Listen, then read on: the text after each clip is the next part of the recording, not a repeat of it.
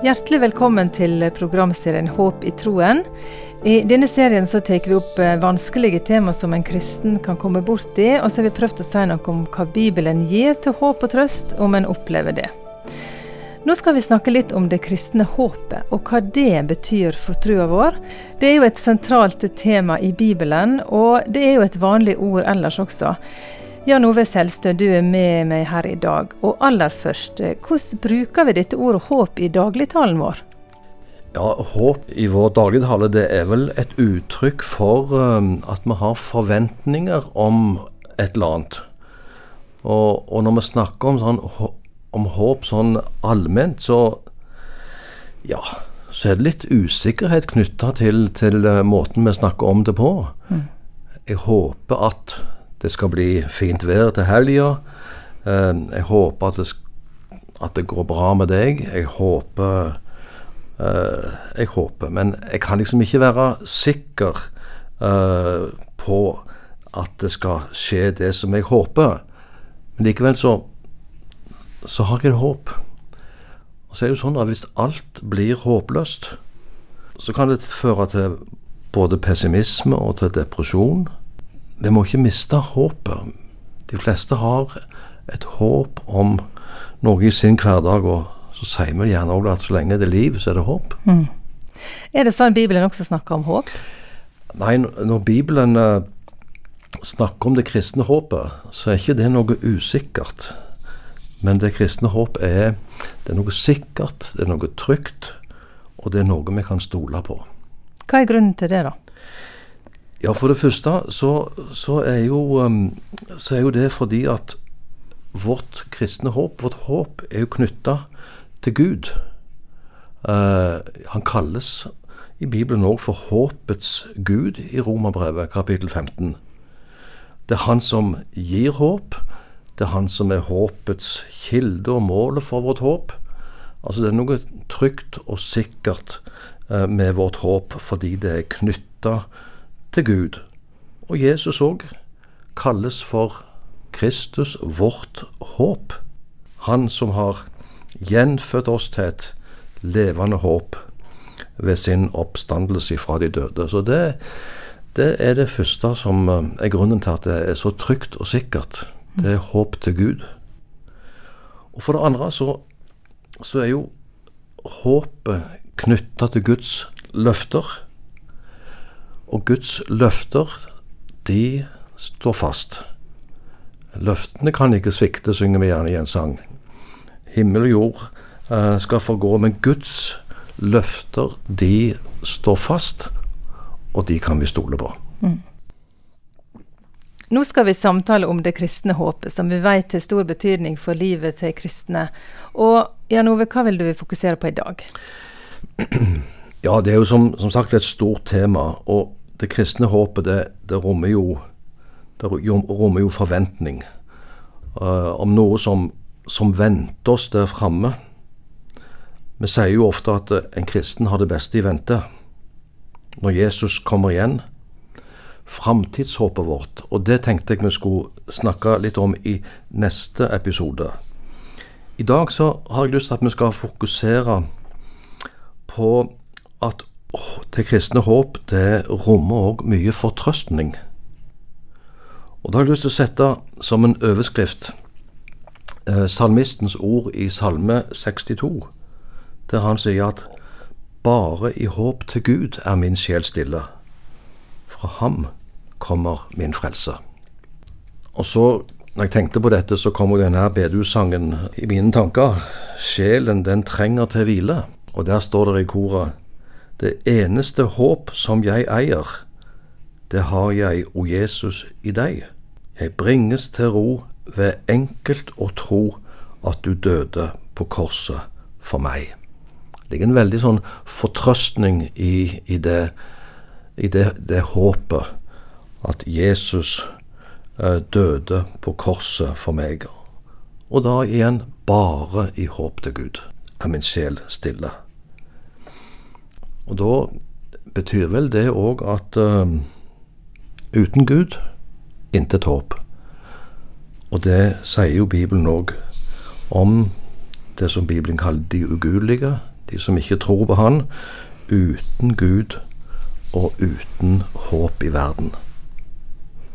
Men som en kristen så finner vi trygghet og hvile i håp til Gud og Hans frelse. Og det tenker jeg det er den grunnleggende fortrøstningen vi har eh, i håp til, til Gud og, og, Hans ord og løfter. Mm. Og så er det sånn, Jan Ove, at en kan vite at det står der, men så kan en òg oppleve at en ikke kjenner det. En kan oppleve håpløshet som kristen, og komme opp i håpløse situasjoner. Ja, det, det, det er sant, og det, det, har sikkert alle gjort sine erfaringer med. Det er situasjoner, det er ting i livet som gjør at ja, alt kan se håpløst ut. Det kan være at en blir ramma av, av sykdom eh, sjøl eller noen av sine nærmeste. Og en kan bli grepet av en tanke er det noe håp nå? Det kan være en troskrise i livet. Alt blir mørkt. Tvil, uro. Er det håp for meg? Mm. Og den som ja, måtte oppleve en depresjon, vet, vet noe om, om, hva det vil si å, å miste håpet. Så kan det òg hende en kristen. Hva vil du si til den som er i en sånn situasjon, da? Ja, en, en som blir Blir du deprimert, så, så kan en trenge medisinsk og faglig hjelp. Uh, og da bør en søke det. Men en kan òg kjenne på en sånn nedstemthet, en følelse av håpløshet, som gjør at det kan gi god hjelp å søke sjelesorg. Noen å snakke med når ting oppleves håpløse. Ta kontakt med noen du har tillit til.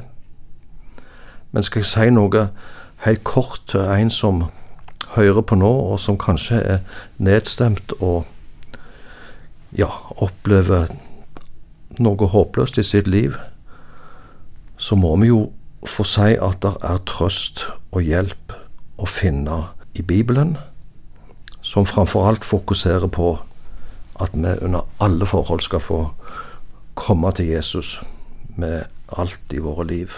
At vi skal få sette vår lit til Gud. At vi skal få klynge oss til Hans løfter og de er det mange av i Bibelen. Jeg skal bare nevne ett av de løftene som mange har funnet trøst i. Det er det som står i Jeremia 29. For jeg vet de tanker jeg tenker om dere, sier Herren. Det er fredstanker og ikke tanker til ulykke. Jeg vil gi dere fremtid og håp, sier Gud. Og så nevnte vi Salme 62, og der sier salmisten òg til sin sjel, bare i håp til Gud, vær stille, min sjel. Og så sier jo Bibelen veldig mye om at, at i håp til Gud eh, Håpet, det gir oss en, en forankring. Det gir oss trøst. Det gir fred. Det gir glede, vær glade i håpet, står det i Bibelen. Og det gir tålmodighet. Og det ser vi kanskje spesielt òg blant mange forfulgte kristne, at de finner, de finner trøst i håpet, eh, i det som oppleves tungt og vanskelig, og så er de tålmodige i sine prøvelser. Mm. Du har vært innom Bibelen nå, men kan vi finne hjelp òg i de uh, fortellingene i Bibelen om menn og kvinner som satte sitt håp til Gud? Det er mange sånne fortellinger, og, og det som først datt ned i tankene mine, det, det, var Abraham. Det står om han at mot håp trodde han med håp.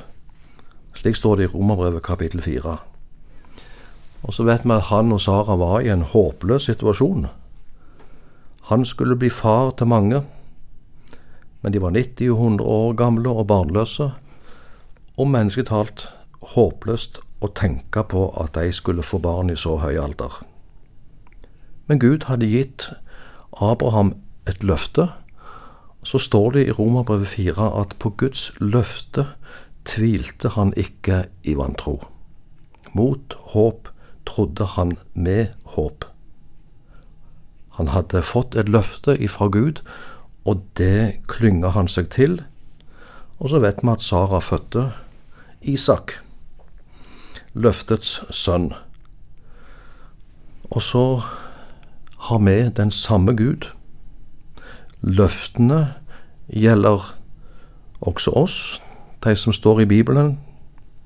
Uansett hvilken situasjon vi er i, så skal vi få sette vårt håp til Gud. Vær stille, min sjel, bare i håp til Gud. Det er mer å si om det kristne håpet, Jan Ove, men vi rekker ikke mer i dag. Men neste episode så har du allerede sagt at vi skal fokusere på det med framtidshåpet vårt som kristne. Ja, og det, det, gleder jeg meg til å dele med, med dere som, som lytter.